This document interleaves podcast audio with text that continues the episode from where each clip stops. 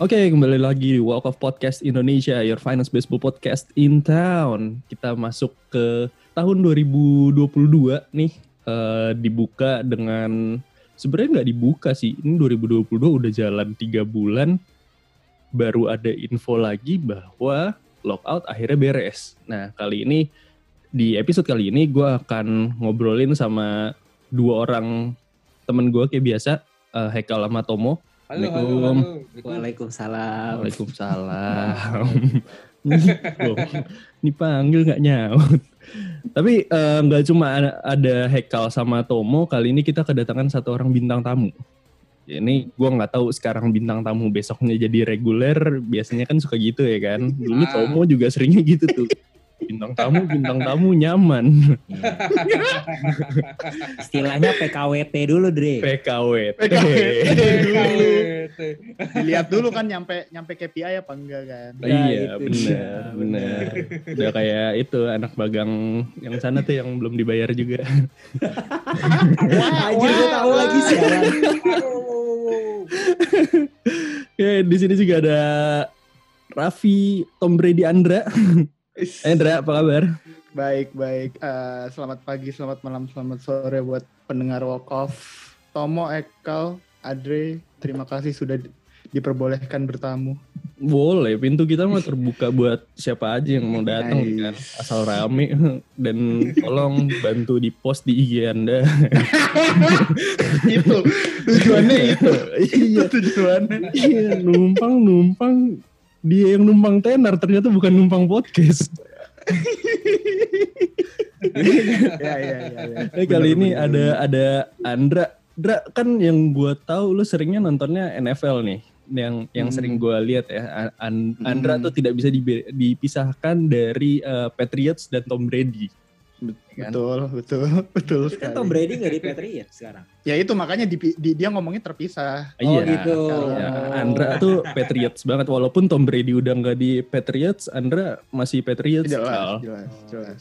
Gitu. Mungkin masih nunggu Tom Brady balik lagi ke Patriots kan. Iya. Kan udah, udah mau pensiun, kemudian udah pensiun, balik lagi. Balik lagi. Gue kasihan ada sama ada yang nggak sih di. MLB?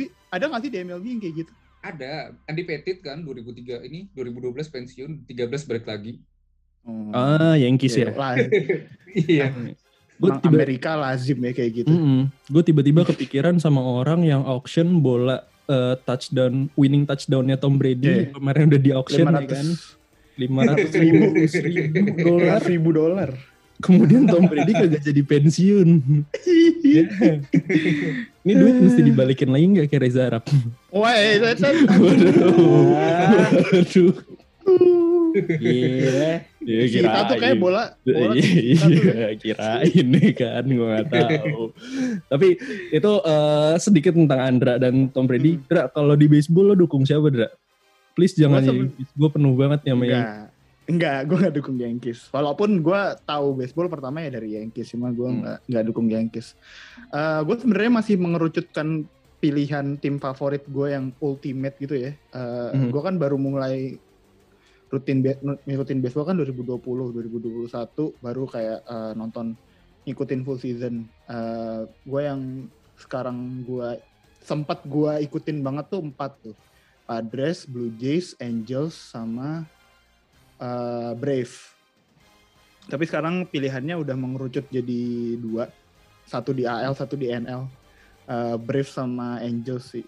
Angels sih ya tahulah karena ada siapa di Angels. Angels karena Otani. Enggak Braves karena Rendon. Oh, Oh enggak. siapa? Orang mana yang dukung Rendon? gue jarang nih lihat nih. Nih, yang satu dukung Angels karena ada Rendon, oke, gue turutin mau lo. Mas, karena dukung Rendon, kemudian Braves karena Braves kemarin itu- baru juara. Enggak. Brave itu lucunya tuh karena ditemen, dikenalin dulu sama temen gua. Ada temen gue yang ikutin MLB tuh, yang dia ngenalinnya tuh ini banget lah, eh, kenceng banget soal Brave gitu. Eh, tiap di grup dia selalu ke dia, terus ya udah gue coba tahu kan Brave tuh siapa, Ronald Acuña segala macem dan pas yang 2021 emang gue ngikutin playoffnya, playoff run-nya oke gitu gue. Oh ya udah jadi Brave sih yang jadi salah satu dukungan gue dan bener 2021 juara. Hmm, berarti nggak nggak salah kecantol lah ya. nggak salah kecantol emang. Sama kayak Hekal 2013 yang pertama kali lu tonton yang bikin lu kecantol siapa ya kali ya? Kalau gue dukung Mariners sih sebenarnya. Enggak Hmm. mungkin. Ada. Waktu itu gue terkesima banget, gak tau gue ngeliat, wah kok bagus banget ini tim mainnya gitu kan. Wah ya udahlah gue dukung Mariners aja. Kan gue nggak boleh ini, gue harus objektif. Game pertama yang lo tonton aja bukan Mariners. lu aja nonton bareng gue di kelas, cabut kelas. Eh, tapi menurut gua Andra nih ini apa eh, keren juga ya dia suka ketika ngelihat timnya langsung gitu dan setelah dipromosin sama temennya itu kan ya. Kalau Iya. gue sih jujur dulu ya gua nonton oh keren. Terus gua langsung kayak cari-cari trivia trivia gitu kan nih tim apa sih pemainnya. Gua langsung kayak gitu banget dulu Sindra. Jadi kayak bakal Hmm. gue liat oh wah ada historinya gini dulu pemain yang kerennya legendnya itu siapa gitu. Mungkin kalau lu kayak lu tuh gua tuh langsung kayak edik gitu sama Braves. Gue cari-cari oh dulu ada siapa sih di sini? Nah kayak gitu gitu sih Ah. kalau gue dulu. Cuman ya emang kemarin memang musimnya mungkin lagi emang luar biasa banget ya nontonin Braves tuh seru banget sih semua matchnya turun. seru sih iya Naik turun banget sih. Eh. Iya, naik tur malah naik turunnya itu yang seru jadi kayak dia Iya, iya, emang. nggak ada yang memprediksi dia juga juara uh, World Series tapi dia bisa membuktikan gitu kan Andra 80, tiba-tiba jadi ini 80. nggak? Jadi si paling Braves nggak? Iya Jangan dong, jangan dong. udah udah punya jersinya belum ya Eh udah, Braves udah. Udah. Jangan Udah. salah. Admin udah, Braves Angels, Indonesia dia. Angels juga, Angels juga udah ada gue. Jersey. Itu emang kalau suka sama salah satu tim tuh harus punya gitu, Kal. Asli apa Prinan? Ya. oh, aduh, aduh, jangan, jangan, jangan tanya. Aduh, aduh. Gue pengen mulai dengan sebuah hal yang lagi panas juga kemarin. Lockout udah beres, CBA udah berhasil disepakati. Ada tiga hal eh, yang cukup gede yang akhirnya kemarin menarik perhatian fans baseball dan softball, nih, terutama di baseball. Hmm. Nah, yang pertama dari perubahannya itu akan ada pitch clock untuk pitcher. Ini buat gue sebenarnya plus minus sih. Pitch clock itu kalau di softball udah di udah lebih dulu ada. Jadi emang untuk mempercepat eh, tempo permainan. Jadi nggak ada acaranya tuh pitcher lama-lamain setupnya lama lah apa segala macam. Kalau lu lihat Johnny Cueto kan setup pitchernya suka aneh-aneh ya. Ntar dia wiggle-wiggle dulu di atas. Entah dia ngapain lah gitu kan. Nah Hmm. dengan adanya pitch clock ini menurut gue jadi hal yang eh positif buat gue karena mempercepat pertandingan kalau lama banget men 4 jam kan nonton baseball em, baseball gitu menurut lu dari pitch clock ini ada tanggapan gak sih Siapa dari siapa? Gue dulu. bebas Oke. Pertama gue agak salah-salah. Gue salah denger apa enggak tadi? Ini yang baru beres lockout kan ya, bukan lockdown ya? Oh iya. Ya. salah. Oh, lockout. Makan. Anjir gue tadi kayak oh iya iya. oke oke oke balik ke topiknya Eh sebenarnya pitch clock gimana ya? Eh pasti akan ada sel- selalu ada pro dan kontra ya. Kalau gue sih gue mau coba bahas dari kontranya kali ya. Karena nanti Tomo pasti pro nih. Dan lu Dre juga tadi kan pro. Andra nanti kita tunggu aja ya. Kalau gue sebenarnya yang kayak kayak gini nih kayak semacam gimmick dan apa ya hal-hal yang seru yang lu bisa lihat di baseball nggak sih? Maksudnya kalau lu uh, seragamkan misalnya lah ini ada pitch clock kayak gini ya udah semua akan lebih seragam aja tanpa ada yang beda dan gua termasuk orang yang suka lihat hal-hal yang beda dan unik gitu loh. Nah mungkin tadi contohnya itu Johnny Cueto ya. Menurut gua ya itu mungkin salah satu cara dia untuk uh, merubah ritme ya, merubah ritme dia lempar. Jadi kan uh, kalau misalnya dia melemparnya itu sepersekian detik sudah dilepas dari tangannya, terus dia melakukan yang tadi wiggle wiggle itu bisa berbeda lagi ritme dan menurut gue itu salah satu cara untuk apa ya hmm, meng, apa ya merusak ritme dari batter musuhnya sih. Jadi gue termasuk yang kontra karena gue lebih suka sih melihat ada hal-hal yang berbeda itu kalau dari gue. Lalu gimana Dra? Hmm, sama. Gue masih sebenarnya masih pro kontra juga. Tapi kalau ngelihat eh, dampaknya ya emang pitch clock bakal nge mempercepat game sebegitunya apa enggak sih? Emang maksud gue yang yang selama ini bikin lama eh, bikin lama game itu kan nggak cuman pitchernya sal dari wind up pitchernya itu aja, tapi kan juga ada stoppage stoppage yang lain, terus juga ada transisi kalau pitchernya ganti itu kan juga sebenarnya lama. Dan kalau pitch clock ini kalau kayak kata si Ekal tadi ngilangin wind up wind up yang aneh gitu juga sebenarnya gue juga setuju sih. Soalnya itu ngerusak ritme batter. Itu kan art of base art of baseball juga gitu. Kayak pitchernya Yankees kan kau yang Nestor Cortez ya? Kalau Hmm. nggak salah ya yang uh, deliverynya juga lama banget. Terus uh, kadang-kadang aneh. Dan itu kayak kayak gitu-gitu kan juga sebenarnya kan entertainment kan buat uh, baseball. Jadi mungkin tergantung juga sih pitch clocknya nanti bakal berapa detik gitu. Udah ada info belum sih pitch clock berapa detik? Berapa Tom? Eh, Belum tahu Tom. Tomo orang belum belum ada sih kayaknya tapi Belum mungkin ada. tadi yang kayak dibilang sama Andra itu hal yang eh, apa ya mungkin selain Johnny Cueto tuh yang paling sering kita lihat tuh misalnya Kershaw tuh. Gue sering lihat tuh. Oh dia iya Kershaw. dia kan suka eh, melakukan apa sih itu ya cara deliverynya kan eh, beda-beda ya. Walaupun dia sebenarnya mungkin dengan delivery yang sama dia lempar dengan berbagai macam lemparan gitu kan jadi ya lebih sulit ditebak dan lebih lebih asik untuk dilihat aja sih menurut gua kalau kayak gitu ini hal eh, mungkin gini sih ya sorry gue tadi nangkap kalau dari Andre itu eh, ini enggak hal yang krusial untuk di, di apa ya diatur dan kita nggak lihat dampak yang signifikannya lu atur benar. ini tuh buat Hmm. apa gitu loh sebenarnya Hmm. tapi ini dari sisi kontra ya kalau misalnya dari sisi, sisi pro mungkin ya mau menyeragamkan semuanya gitu kan ya supaya ada Hmm. timing yang pasti gitu-gitu ya itu lain cerita ya mungkin itu mungkin pertimbangan dari MLB sendiri gitu. Cuman kalau gue sebagai penonton gue rasa nggak ada masalah sama sekali dan menurut gue seru aja lo lihat kayak gitu. Bahkan malah itu yang akan di yang akan diikutin sama fans-fans baseball. Contoh kayak siapa tuh yang kayak Flam- Flamingo atau sih? Si Craig Kimbrel ya.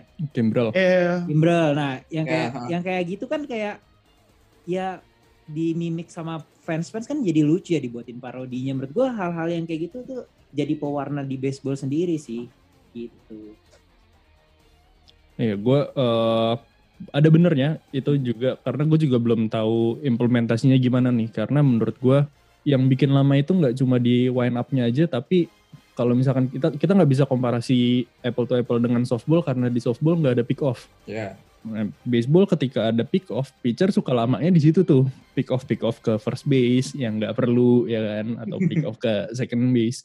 Itu yang yang bikin lama. Jadi si pitch clock ini sebenarnya efektif nggak efektifnya masih perlu kita telaah lebih lanjut sama seperti yang kedua nih base-nya digedein ya kan. Mungkin tujuannya memang untuk ngurangin collision ya kan. biasanya digedein gue jadi kayak "Ih, ini main kita buat stadion sendiri gitu ya digedein kecilin gitu. Tapi kalau kalau kita eh, ingat kan emang terjadi beberapa collision terutama di second base ya kan. Memang collisionnya bisa sengaja ataupun tidak. Sengajanya kan karena biasanya mau mecah double play kan. Biar tidak terjadi double play mereka eh, slidingnya telat lah ini itu ini itu. terus di dibesarin base nya tuh supaya jadi lebih gampang untuk save gitu Hmm.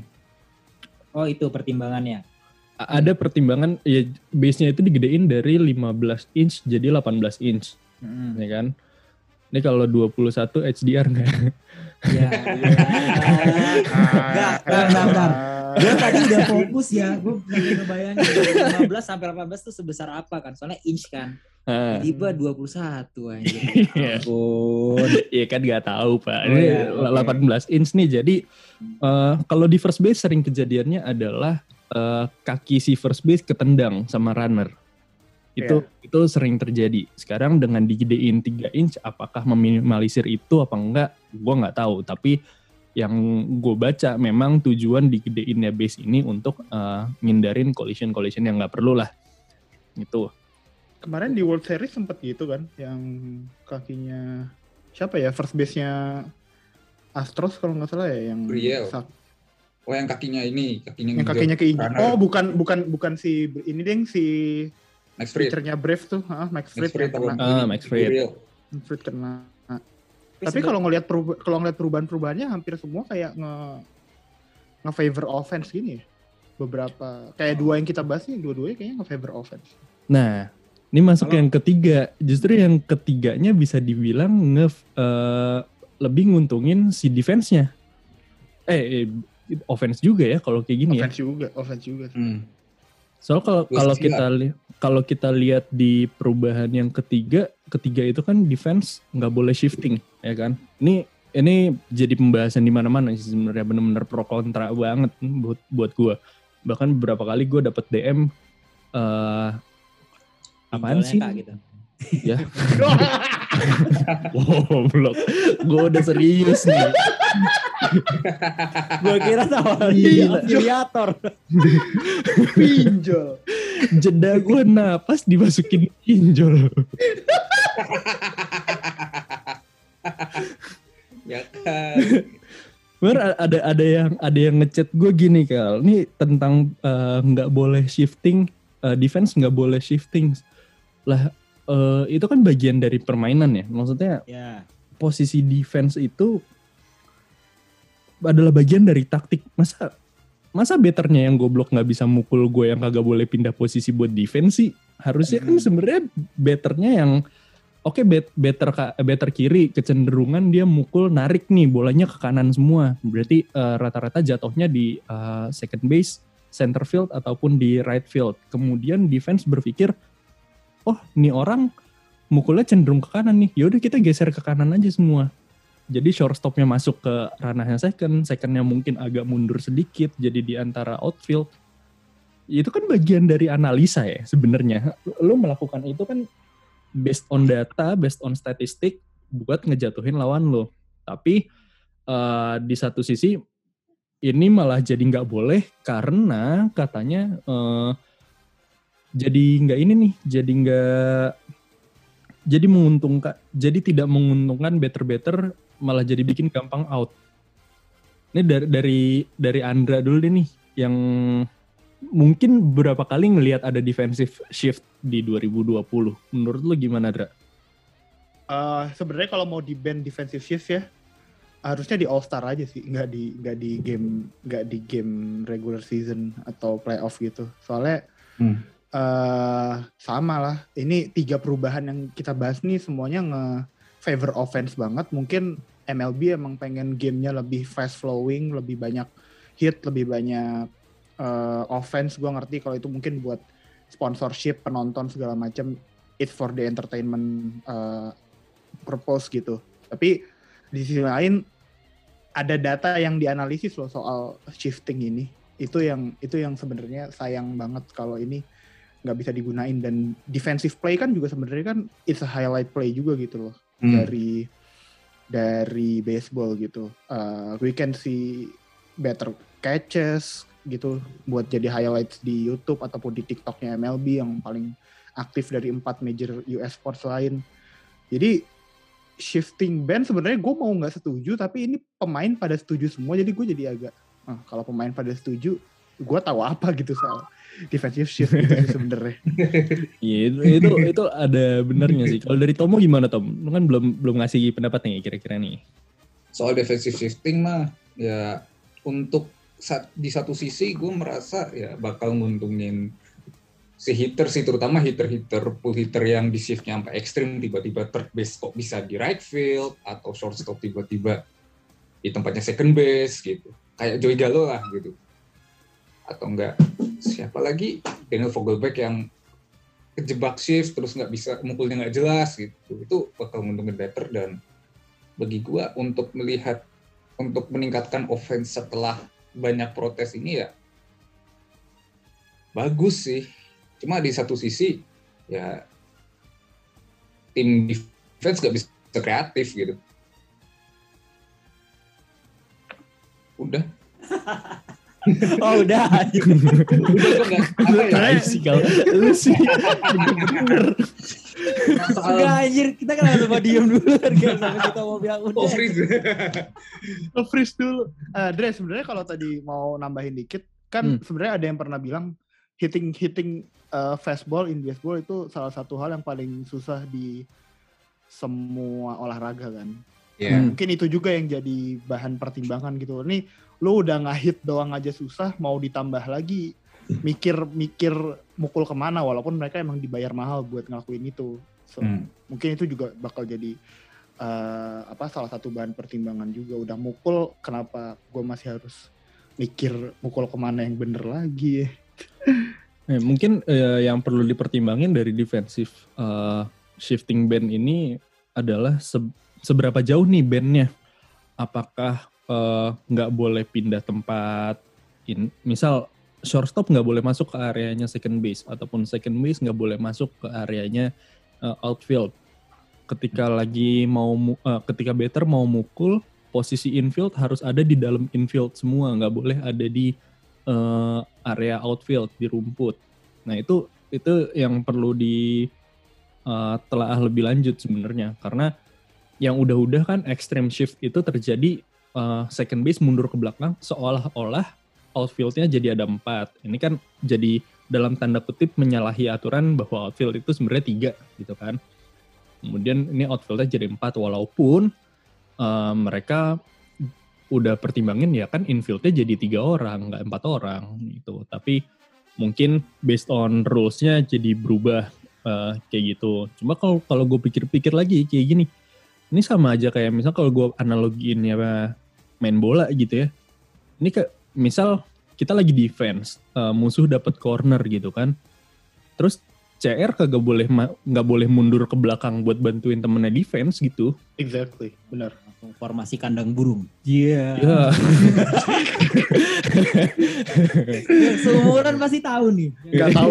Nonton sumpah gue nggak tahu ya Lu nggak tahu anjir. Nggak tahu Formasi kandang burung lu nggak tahu. Nggak Wah, tahu anjir anjir. Adra lu nggak tahu Dra beneran sumpah nggak tahu sumpah nggak tahu Wah, lu mesti lu mesti Wah, lu- cari Dra Lu harus Google, Hmm. lu cari di YouTube deh formasi kandang burung. Iya, nih Itu wah, Duh, Matsi Anjir. sama CS nih. iya.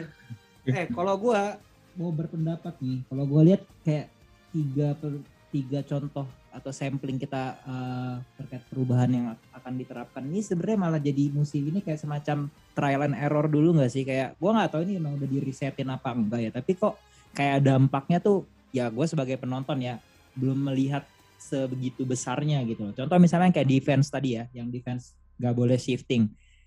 Ya gue nggak tahu, gue belum pernah nonton aja match yang dia shifting 9 inning full gitu loh. Maksud gue kalau misalnya cuman kayak satu inning, dua inning dan untuk better-better tertentu ya ya udah itu anggap aja sebagai eh, hiburan lu nonton dan eh, apa tadi strategi dari lu ngelawan tim lawan lu kan gitu kan. Kalau gue ngelihat sih apa ya dampaknya gue belum melihat secara apa ya signifikan gitu loh sebenarnya. Jadi ya mungkin di musim ini juga eh, tiga sampling dari perubahan ini akan diuji coba gitu kali ya. Kalau misalnya memang ternyata nggak ini ini nggak apa nggak berdampak banget ya, mungkin bisa jadi bahan evaluasi juga buat MLB CC Rock Manfred ya. Iya. Aduh, ya bisa sih musim ini jadi apa ya? Ya musim uji cobalah buat tiga hal ini. Kalau emang efektif ya ya monggo lanjutin. Kalau misalkan enggak ya berarti kan harus ada perubahan lagi di depannya gitu kan. Iya. Cuma- kalau kayak gitu Hmm? eh, rapat CBA lagi bukannya beberapa tahun lagi gitu ya Lima tahun sekali. Berarti eh, baru CBA bisa di- CBA lima tahun sekali ya Tom ya? Iya. Kalau CBR ya. Kalau NF Ya, ada- kalau CBR 250. 250 siap. Oh. Tarik juga. kalau kayak gitu baru bisa baru bisa direvisi lima tahun lagi dong kalau kalau nggak ini Menurut gua. Iya, menurut gue bisa aja sih karena kan mereka butuh data juga kan. Oh musim musim ini hasilnya seperti ini, musim kedua gini, ketiga gini, di musim kelima Hmm. mungkin nanti ada ada perubahan terkait eh, ini semua gitu. Tapi ya lima tahun waktu yang cukup lah menurut gue buat buat buat revisi ginian Hmm. gitu. Nunggu ganti presiden, presiden baseball. Ah, Eh, kan oh, kan perpanjangan baseball. periode. oh presiden gitu. baseball. Gue bilang presiden baseball ya, presiden baseball. Iya, iya. Aduh. Presiden baseball tiga periode juga nggak? Ya, Waduh. mulai dia deh. Waduh, gue mau gue mau lanjutin tapi masih camping. Bagian yang ini Tomo aja deh yang jawab. Gue nggak berani jawab. jangan lah, jangan lah. Ada giliran kayak gini ada Lanjut, tumbal. Ya tapi kita kita kita akan lihat nih eh, di opening day 7 April apakah tiga-tiga ini langsung diimplementasiin apa enggak. Ya kita akan lihat lah dalam beberapa minggu lagi. Dan yang dan yang udah terjadi nih sebenarnya selain perubahan-perubahan pada aturan main. Yang terjadi adalah perubahan pada roster pemain. Kemarin trade yang udah terjadi udah lumayan banyak nih dari tiga hari setelah dibilang oke lockout selesai uh, CBA ditandatangan langsung banyak tuh yang apa yang melakukan trade sama yang ngambilin free agent langsung rame banget. Itu aja kemarin gue di grupnya Walk Off langsung anjing kerja langsung gara-gara dari kemarin santai-santai santai-santai tiba-tiba lockoutnya selesai langsung deadline semua nih. Kerja, kerja, kerja. Iya gitu. Emang lockoutnya selesai juga dadakan kan? Gak ada dadakan rumor, kan? banget, dadakan banget. itu. Iya, itu gue lockdown dadakan nggak? aduh, kan kalau itu itu turun Susah level. jawabnya. kalau yang itu turun level. Oh ternyata. Iya, eh Depok Ini- udah mau endemik loh. Oh enggak, ini Iya, Depok udah mau endemi loh. Oh iya. ini lockdown di negara sana kan, bukan bukan di Ah, iya, kita, iya, beda. iya. Kita ngomong Iya, ini benar, lockdown benar, di negara benar. sana. Mm-mm, betul. Kalau kalau di sini dia jangan jangan. Iya, Ada, iya, bahaya. ada. Tomo aja kalau menurut Tomo. tetap tumbal, tetap tumbal. Eh, gue gue mau ngomongin trade dikit nih. Eh, kemarin yang lagi rame adalah eh, Donaldson ke Yankees, ya kan? Setelah gue pikir-pikir, sebenarnya ini kan trade ya. Donaldson ke Yankees ditukar sama Gio Urshela sama Gary Sanchez untuk pindah ke Minnesota Twins. Donaldson berarti kan akan ngambil posisinya Urshela nih di third base ya kan. Kemudian eh catchernya yang agak gue prihatinkan sih dengan keluarnya The Kraken. Menurut lu yang akan naik jadi regular catchernya Yankees siapa nih? Gue sebagai fans Mariners ya tadi ya, kan gue udah bilang di awal, gue fans Mariners. Lu jangan mengait-ngaitkan gue dengan Yankees lah. Kalau gue lihat sih, kalau gue lihat di sini siapa ya? Sebenarnya juga si Sanchez ini kan kayaknya di trap kalau gue lihat lebih ke arah ya dia nggak konsisten juga kan. Memang di 2016 tuh pertama kali dia debut itu gue lihat wah ini kayaknya dia bahkan kandidat uh, rookie of the year waktu itu kan. Hmm. Cuman memang dia lebih apa ya lebih banyak errornya ya di beberapa musim terakhir yang mana kayaknya tuh eh, catchernya Yankees tuh harus banget jangan sampai ini deh apa errornya tuh terlalu besar gitu loh. Dan eh, Gary Sanchez ini termasuk yang sering melakukan error gitu loh. Bahkan dia juga di pairing dengan Gerrit Cole yang notabene sekarang itu ace gitu eh, nggak cocok gitu kan. Ya nggak tahu lah ada ada apa ya mungkin approach-nya beda kali ya eh, dengan apa si Gary Sanchez ini nge-approach pitchernya itu beda ya kita nggak tahu kan cuman ya mungkin karena memang dia nggak konsisten di defense dan sering error itu itu salah satu pertimbangan Yankees nge-trade dia menjadikan dia dari menjadikan dia sebagai paket untuk eh, dapetin pemain lain gitu kan dan juga sebenarnya kalau dibilang eh, bettingnya juga ya dua musim terakhir ya nggak bagus-bagus amat ya. Mungkin 2016 2017 ya tapi memang kan dia juga tergolong yang power hitter ya. Jadi ya Hmm. mau kita bilang juga eh, better apa betting average-nya jelek-jelek banget ya memang dia bukan eh, apa kontak hitter gitu kan. Kalau gue lihat sih ya pasti Higas Higasioka ya yang kayaknya bakal jadi catcher utama sih. Karena yang gue lihat dia yang paling punya pengalaman. Sebenarnya kalau si Austin Romain ya Oh, udah nggak di rasa Yankees dia kan? sih ya cuman nggak di Yankees kan Udah lama kan? ya pasti ya bukan dia lah gitu kan ya Higasioka sih menurut gue dan kayaknya dia dengan beberapa pitcher Yankees eh, ada chemistry-nya ya battery ya namanya Hmm. Ya, battery. Tuntutannya berat sih, lo harus ngehandle uh, kalibernya Gerrit Cole, Hmm. handle Aroldis Chapman juga, ya kan? kalau gue kalau gue sejujurnya lebih suka ngelihat ya kalau misalnya Yankees ini kan pitchernya eh, ber- beragam gitu ya. Ada yang Gary Cole mungkin udah kebesaran jas gitu ya ngerasa sayang gitu kan gue fans Mariners ya jadi gue bebas ngerosting Iya, Iya, iya, iya, Iya, Gary Kak. Cole Ya dia paling Allah. jago gitu kan. Severino dulu eh, runner up sayang gitu-gitu ya. Gue lebih ngeliat seharusnya Yankees itu mulai cari catcher yang kayaknya yang nggak nggak tua ya tapi mungkin pengalamannya bisa apa ya calm down pitcher gitu loh misal yang pitcher eh, catchernya Phillies sekarang tuh siapa tuh Duh, lupa gue namanya Itu real Real Muto ya Real Muto Oh, yang Real udah kayak gitu-gitu Salvador Perez maksud gue yang kayak lu eh, ya bisa jadi sebagai sosok captain gitu kan kalau misalnya eh, catcher yang dibutuhin Yankees ya kalau gue sih seperti itu. Cuman ya Higashioka ya kita lihat aja lah di musim ini. Gue juga Kayak, nggak- kayak waktu Brian McCann berarti ya. Nah iya kayak Brian McCann Mhm. kayak gitu. Dan kayaknya yang yang ya Dier Molina maksud gue yang apa ya punya wibawa gitu loh. Kalau Higashioka Hmm. ya kita nggak bisa menilai orang dari tampangnya. Cuman kalau lu lihat lu bandingin Higashioka sama Gary Sanchez lu lebih takut mana coba? Kok lu main fisik sih jadi? Kenapa jadi main Iya, fisik? nggak balik lagi. Gue fans Mariners gue boleh roasting. Eh, eh, lo, lo, lo kan lo kan lagian, lagian, lagian catcher kan pakai topeng, Pak. Nggak, nggak kelihatan mukanya. Ah, iya. Iya, iya. Nggak kelihatan mukanya. Justru dia pakai topeng. Tapi kan badannya kan kelihatan gede gitu kan, tatoan Oh, banyak gitu kan. badan. Gue shock. Hmm. Coba makanya Andra, lu google dulu formasi sangkar burung. Ah, anjing kena roasting. Baru datang kena roasting gue. Nih eh, dengan Donaldson Hmm. ke Yankees sebenarnya ada satu hal lagi yang bikin gue prihatin. Dia kan sempet salty sama Gerrit Cole ya waktu 2020. Kalau nggak salah. Satu juga. 2021 ya? kemarin, musim kemarin gara-gara Musim yang, yang itu kan apa Spider Tag ya. Hmm. Oh iya, waktu rame-ramenya Oh. Spider Tag waktu itu, Heeh, kan yang dia bilang dia eh, spin rate-nya dari Gerrit Cole naik nih. Ini gue nggak tahu matanya jeli apa dia bisa ngomongin spin rate gitu ya kayak. Lo jadi better fokus mukul bola yang lo perhatiin spin rate. Iya makanya. Nih kan dia bilang, oh nih spin rate-nya si Gerrit Cole nggak wajar nih, kencang banget dan lain bla bla bla bla bla bla. Eh sekarang satu tim, ya kan? Hmm. Ini memungkinkan masih ribut di satu tim gak sih? Ya, kalau memungkinkan memungkinkan aja ya. Cuman kalau gue lihat dari siapa Brian Hodge ya yang eh, pundit pundit apa wartawan sih gue nggak tahu tuh. Kan gue fans Mariners ya. Katanya sih dia Gak, hu- gak ada hubungan Iya. nih. elah. Oh, nggak ada Ada hubungannya, Pak. katanya sih udah di ini udah di apa udah di mediasi sama Aaron Boone jadi lu Oh. berdua Ah, jangan berantem berantem lagi ya kata gitu Udah ya, bayar. gue nggak tahu Tom gue kan bukan fans Yankees gimana sih Gua- gua baca berita doang.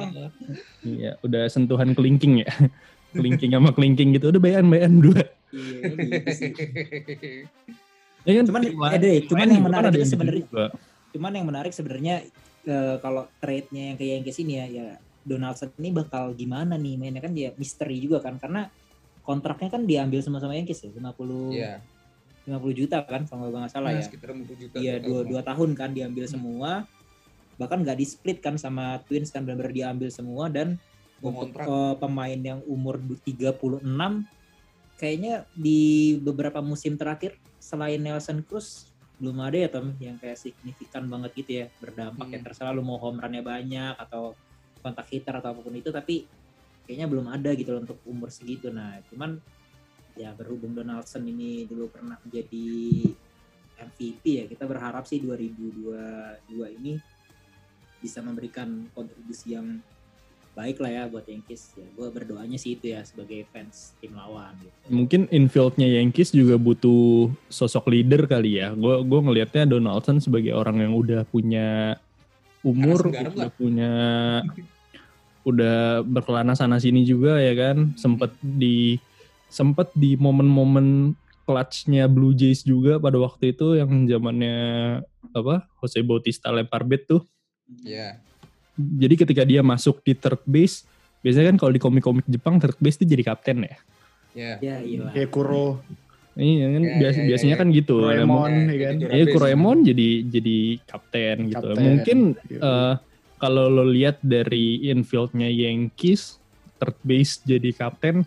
Tadinya Hmm. Urshela kan masih muda juga kan. Kemudian sebelahnya ada Gleyber Torres juga masih Hmm. muda. Ya mungkin emang butuh satu orang yang jadi leader buat mimpin di infield. Menurut gua mungkin sih bisa-bisa gitu. aja ya.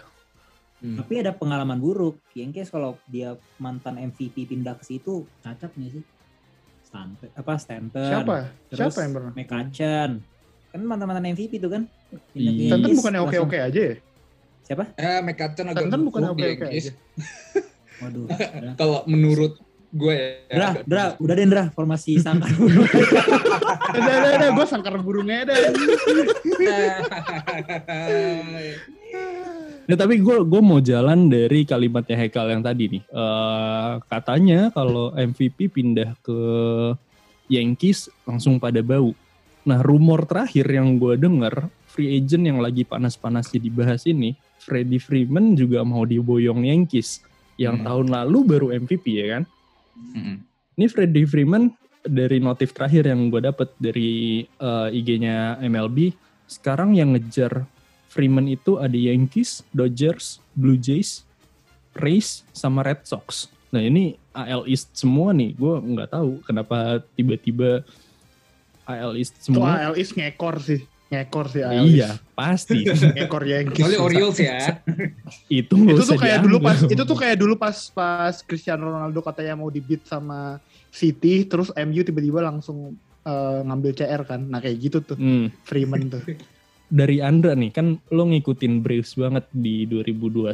Menurut lo Freddie Freeman di Braves tahun lalu ataupun Freddie Freeman yang lo kenal tuh eh, si deket banget tuh sama Freddie. deket banget si sahabat gue tuh iya. Freeman Menurut lo sosok Freddie Freeman tuh gimana sih Dra sebenarnya? Di mata lu gimana sih? lu kayak lu kayak nanya ini ya kayak ada ada orang yang berprestasi banget terus gue sahabat kecilnya gitu di mata lu iya, iya bener. ini Bener. gimana sih masa kecil dulu sahabatan main di mana ya Iya. Tapi kalau Freeman ya emang kelihatan he's he's he's an icon sih di Atlanta Braves. Kayak udah jadi the leader of the roster.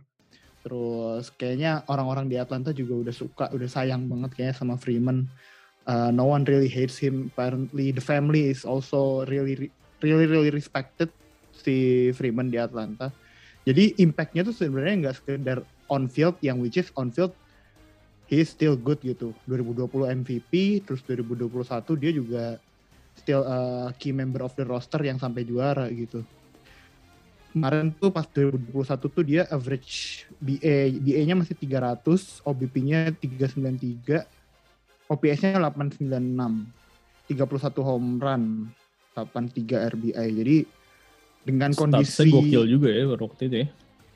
Mm-mm. Sebenarnya dengan kondisi Braves yang tahun lalu banyak kena badai cedera dan ada beberapa pemain yang nggak nggak main kayak si akunnya cedera terus Ozuna nggak bisa main dari awal season kan. Jadi si Freeman tetap keep the team intact dan dia masih masih valuable piece lah buat Brave buat musim-musim ke depannya sayang banget sih sebenarnya kalau cabut Iya, dia masih jadi icon banget ya. Ini uh, sama Hmm. kayak waktu Ichiro pindah ke Yankees kali ya kalau gue uh, inget Iya. ha.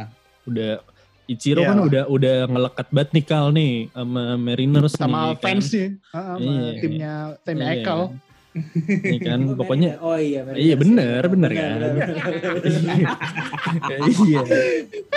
sorry sorry gue kalau sama tim yang udah deket banget di hati gue agak sering lupa gitu ya lanjut Oh iya. Ya kan Ichiro Mariners banget sampai akhirnya pindah ke Yankees waktu itu kan sebelum ke Miami Marlins. Hmm. Nah sekarang eh, Freddie Freeman sebagai salah satu yang dianggap sebagai kapten, ya kan eh, jadi leadernya eh, Braves, akhirnya mau pindah ke salah satu tim. Ini kalau misalkan kita ngomongin AL East, gue gue tidak melihat dia akan berseragam Dodgers sebenarnya. Jadi kalau dari sudut pandang gue kita ngomongin si AL East aja nih. Iya Dari- janganlah ke Dodgers anjir nggak jelas. tahu-tahu beneran. Dodgers anjir Oh ya Dodgers masih punya Max Muncy kan? Iya sama. Iya sih. Iya iya. iya lu mau ngapain? asal bukan. Dodgers lah asal bukan Dodgers lah Iya dia happy happy doang kalau di Dodgers kagak main. Nah kalau dia dia masuk ke empat tim eh, AL East nih yang yang memungkinkan. Kalau misalkan di race dia tandemnya akan sama Jiman Choi ya Tom ya. Jiman Choi ya Jiman Ah, Choi nge-DH Jiman. Choi. Kemudian kalau di Blue Jays Blue Jays siapa sih first base-nya sekarang? Eh Saya Fred Junior ini. pindah ke Vladimir. Vlad, iya Vladdy Junior ya. Vladi Vladi Junior Sayang juga Siapa first base-nya? Vladimir Junior. Itu bukannya presiden Rusia. Yang diajak Ya. berantem sama Elon Musk. Makanya gue udah malas gue udah malas nanggepin tuh tadi Dre. Oh iya iya. tahu nih gue nih arahnya nih anjir emang Nih, balik lagi nih, kalau misalkan eh, pindahnya ke race, eh, saingannya ada Jiman Choi, kalau masuk ke Blue Jays ada Flat Junior. Kalau masuk ke Red Sox ada siapa? Red Sox siapa sih? Banyak. Kalau nggak salah ini ya? Red Sox-nya ada tiga. Kalau nggak salah ada kalau nggak tiga dua dua orang lah. Hmm, Ada siapa? Kristen Esses sama satu lagi yang kemarin main first base Bobby Dalbeck dan itu banyak banget. Masa dua orang main first base bareng Oh. tambah satu lagi ngapain gitu. Ak- akan gabut juga ya kalau dia pindah ke first base di Harus. ini ya. Ya nggak bak- pasti bakal disit dan dia nggak mau dong. Dia mainnya udah di first Tapi- base dan gimana gitu. Kan Kayaknya apalagi kalau Freeman ke kalau Freeman ke Red Sox ya masa dia sit sih? Maksudnya ke mana pun dia pergi bukannya harusnya dia bisa jadi starter kecuali kecuali Dodgers tadi ya. Enggak, Oh, nge-DE, nge-DH paling. Di Edge Oh, mungkin. di Sayang, Iya ya. sayang, Sayang karena sih. ada Sayang. uh, JD Martinez gitu kan. Iya, makanya menurut gua Makanya, penuh banget kalau misalkan dia masuk ke Red Sox. hmm. Yang paling Kalau- memungkinkan menurut lu ke mana? menurut siapa nih? Kalau menurut gua paling realistis ke Blue Jays karena kan meskipun dia akamsi California tapi orang tuanya orang Ontario dari Kanada kan. Nah, di situ pasti agak gimana ya dengan kondisi Blue Jays yang butuh seorang leader di infield karena infieldnya muda semua, ya Freeman jadi solusi gitu. Walaupun Vlad- Vladimir harus bener-bener conditioningnya dibenerin lah biar bisa main third base yang bener gitu. Kemarin kan cedera juga kan Flat Junior ya? Ya iya oh, kegedean akunya gitu ya. Eh, akunya apa Flat Junior sih yang cedera? Terakhir-terakhir tuh. Akunya, akunya. Akunya Eh, kan dari iya, tengah musim, akunya. Pak. Akunya dari tengah musim tapi. Ini Flat kebanyakan Junior junior. kayaknya sempat nggak cedera kan deh. dia. Di Kebanyakan musim. junior, gue bingung. Tatis junior, Flat junior. Semua aja. Eh, kalau di Blue Jays ya menurut gue itu. Apalagi kan juga Blue Jays kekurangan hitter kanan kan kayak Hmm. oh semua hitter kiri semua. Eh kekurangan hitter kiri sorry maksud gue hitternya kanan semua nggak George Springer nggak si Bobby Shedd. Itu kan butuh juga hitter kiri yang bisa dibilang bukan fungsional sih. Maksudnya yang yang beneran jago dan bisa jadi giveaway buat si timnya itu. Apalagi kan Hmm. kemarin pleset di game terakhir tuh. Walaupun menang ya nggak lolos dan mereka Ka- Kalau kalau misalkan Free, kalau Fre- eh, Freeman pindah dari Braves, yang akan ngisi posisi Braves siapa? First base. Olsen, iya Matt Olsen udah confirm. Oh iya, masih ada Matt Olson. Eh, Matt Olson masuk ya ke situ. Iya itu dia makanya apa opsi buat Freeman di resign sama Braves kayaknya makin lama makin tipis. Kesempatan. Soalnya Iya. udah ada Matt Olsen. dan Iya. Olsen defense lebih jago lagi dari si Freeman. Freeman. lebih jago lagi kayak nah ngapain sih gue ngesign Iya. Freeman? Sayang juga kalau jadi DH apalagi kalau misalkan Braves mau ngesign Jorge Soler kan? Hmm. jadi DH kayak yang iya, design Jorge Soler orang lama gitu.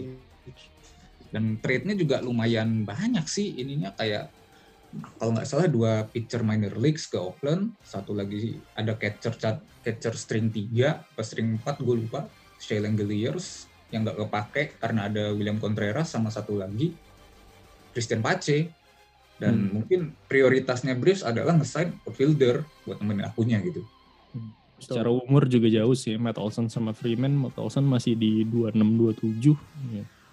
Untuk Iya. masuk ke first base. Nah, Kal, kalau misalkan Freeman masuk ke Yankees gimana, Kal? Ini gue dari kacamata Mariners ya. Iya betul. Iya, iya, iya. Iya, iya, benar benar benar benar. benar. Suka lu suka lupa gue kalau nggak diingetin. Iya, iya, iya. Lo besok lo besok pakai name tag dah.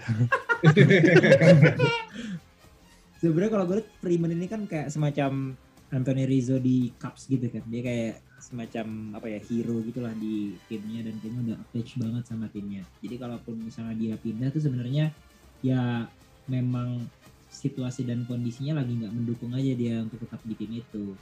Kalau tadi pertanyaannya gimana dia kalau di Yankees ya menurut gue ya Freeman memang salah satu yang dibutuhkan sih karena Yankees lagi cari lefty dan kebetulan first base-nya kan ini kan apa pemain Star Wars tuh. Eh, Siapa ya? namanya?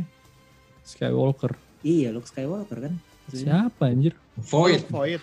Ya. Allah. Ya Allah. Gue baru gue baru nggak kayak Iya. Siapa? ya? Yang sama look-nya doang. Lukman juga depannya look. Lukman aja. iya maksud gue ya Luke Voigt pernah jadi jago banget ya waktu yang season berarti 2020 ya. Dia home run king kan. Cuman ya lefty-nya Yankees tuh gak ada yang benar-benar ini ya menurut gue. Gak ada yang benar-benar memberikan dampak yang signifikan. Dan kemarin kebetulan si Rizzo lumayan ya. Gue liat kayak lumayan. Jadi kayaknya Freeman mirip-mirip gitu cara bermainnya sama si Rizzo kan. Jadi Hmm. ya ya memang yang dibutuhkan. Cuman kalau lu tanya sebenarnya gue pingin si pingin si Freeman ini ke mana gue sama sih kayak Tomo kayaknya seru sih ngelihat dia itu ada di Blue Jays gitu loh kan si siapa namanya Vladimir Guerrero Junior pernah main di third base juga kalau nggak salah nah, emang awalnya dia di third base kan Emang. awalnya di third base Iya, awalnya dia makanya di third base. kalau misalnya Freeman pun gak di edge dia main di first base ya gue rasa eh, si Vlad Junior ya bisa lah di third base bisa bisain lah Hmm. dan dan Jadi seru juga. aja sih ngeliatnya kayak eh, tim-tim muda satunya veteran eh, pernah World Series pernah MVP kayaknya ya itu eh, apa ya saat salah satu yang dibutuhkan juga dan di Blue Jays gue lebih gue lebih prefer ngeliat si Freeman di Blue Jays sih. Dan Blue Jays juga kan dari kemarin rebuild rebuild dan lagi cari-cari pemain-pemain untuk ngelengkapin kan. Kemarin baru sign si Kikuchi ya? Kikuchi. Uh, walaupun udah kehilangan si Ruby Ray kan dan gua rasa Hmm. betternya masih mantep lah walaupun Sam yang udah pindah ya Hmm. ini dia Freeman menurut gue yang bisa yang bisa menjadi salah satu penggantinya Samian sih jadi tetap seru aja ngeliat Blue Jays karena gua belum melihat lagi Blue Jays seperti 2015 kan itu seru banget ya Iya, udah Iya. udah lama nggak ngelihat Blue Jays punya five champion kayak gitu ya. Iya makanya kayaknya Freeman ke situ bisa lah. Walaupun nggak sama persis ya karena 2015 kan wah itu gila tuh tim keren banget sih lo nonton seru banget kan ya. Iya. Tapi Freeman ke Blue Jays sih gua sama sama Tomo Freeman ke Blue Jays. Iya, kita akan ngelihat sih dalam mungkin kayaknya trade-nya si Freeman nggak lama lagi, mungkin dalam satu minggu harusnya dia akan masuk ke salah satu tim ini sih. Tapi di samping Freeman kita masih ada free agent yang lain yang nggak kalah panas. Carlos Correa masih free agent, Trevor Story, Chris Bryan, terus Kel- eh, Kenley Jensen, Hmm. Nick Castellanos, Oh. jadi masih Pan Masih Kenapa? panas. pantes Oh. Tapi Pantes si sebenarnya Ekal pengennya, pantes Ekal pengennya si Freeman ke Blue Jays. Dia ngincer Korea buat Yankees. Iya kan. ya aduh. Suka su lah kan gue fans sama Eh, lu kan mirip. ngincer Oh iya, kan lu fan dari lagi gue. Makanya formasi sangkar burung dari gue tapi tapi sebenarnya tapi sebenarnya sebenarnya menurut gue malah nggak menutup kemungkinan juga sih dia bakal resign ke Braves ya sekarang balik lagi aja Freeman ini lebih memilih untuk bermain di kota di mana dia sudah menjadi pahlawan atau dia mempertimbangkan juga faktor fa- eh, finansial. Karena sekarang kan lagi gencar-gencarnya financial freedom ya Iya, aduh, freedom. iya. oh, kalau kan- mereka mah nggak usah ya, ya. Tapi kan emang kita kan sekarang harus eh, bisa keluar dari comfort zone kan. Iya. Ya. Karena banyak embrace the unknown. Mm-mm, embrace the unknown gitu. Iya. Gokil nih, gokil nih. SCBD, SCBD people nih. Iya, iya. Apa apa SCBD? Tadi SC- emang- eh, SCBD. SCBD. SCBD. ya. Financial stability lah. Nah, iya, mungkin kalau Freeman pindah dia bisa dapat work life balance ya kan. Iya. Iya, mental juga. mental health-nya lebih Ben- bagus. bener. Iya, Bener kalau dia banget. di Braves, dia nggak perlu nggak akan overthinking dengan kehidupan dia ya kan. Mm-mm, Oke, ke- ketika dia terlalu banyak inilah banyak tuntutan kan di Braves.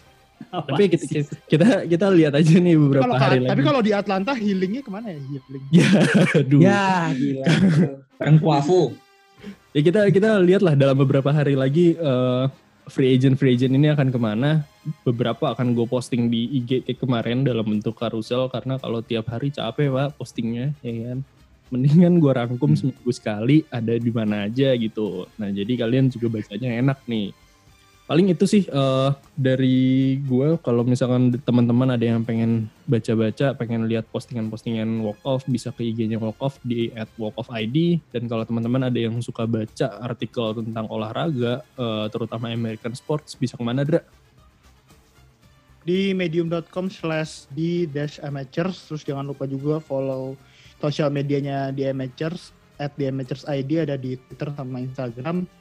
Dan juga kalau kalian suka sama olahraga-olahraga lain eh, selain baseball kita ada F1 di podcast F1-nya di amateurs yang kebetulan ada gue juga SR reguler jadi gue shameless plugin aja di sini Ini Emang F1, F1. empty aja dia. Ada di mana-mana. Be- besok dia bawa temennya ya satu lagi. member member member get member dong Iya. get member MLM. Enggak, pakai referral referral code ya. pakai referral code Iya. Loh ini podcast Konichiwa. Ya ada di at WNF1 official terus eh, kalau kalian suka nonton basket ada at repeat basketball juga di Instagram. Jadi jangan lupa di Nah, follow. tuh. Ada banyak tuh, mau baseball ada, mau eh, basket ada, F1 ada, mungkin ini Hoki, hoki Power ada Play juga Podcast, tuh. jangan lupa. Nah, ber- berarti hampir semua eh, American sports masuk semua ya? Ada Karambol Masuk. ada nggak karambol? Karambol. Aduh. Tak, gimana Chief? Mau ada nggak Chief? Ntar kita kita kita minta persetujuan dari chiefnya dulu nih. Karambol Hmm. masuk nggak nih? Lu jangan meremehkan karambol. MotoGP Ya dulu. olahraga rakyat Pak. Olahraga Iya, rakyat. ya. iya. Oh MotoGP, MotoGP. Iya. Ini bentar lagi Mandalika nih kan. Mungkin nanti ada di The Amateurs juga akan bahas tentang MotoGP tuh. Jadi eh terus di follow aja Walk of ID dan juga The Amateurs. Jadi teman-teman semua nggak akan ketinggalan berita-berita terkini tentang olahraga.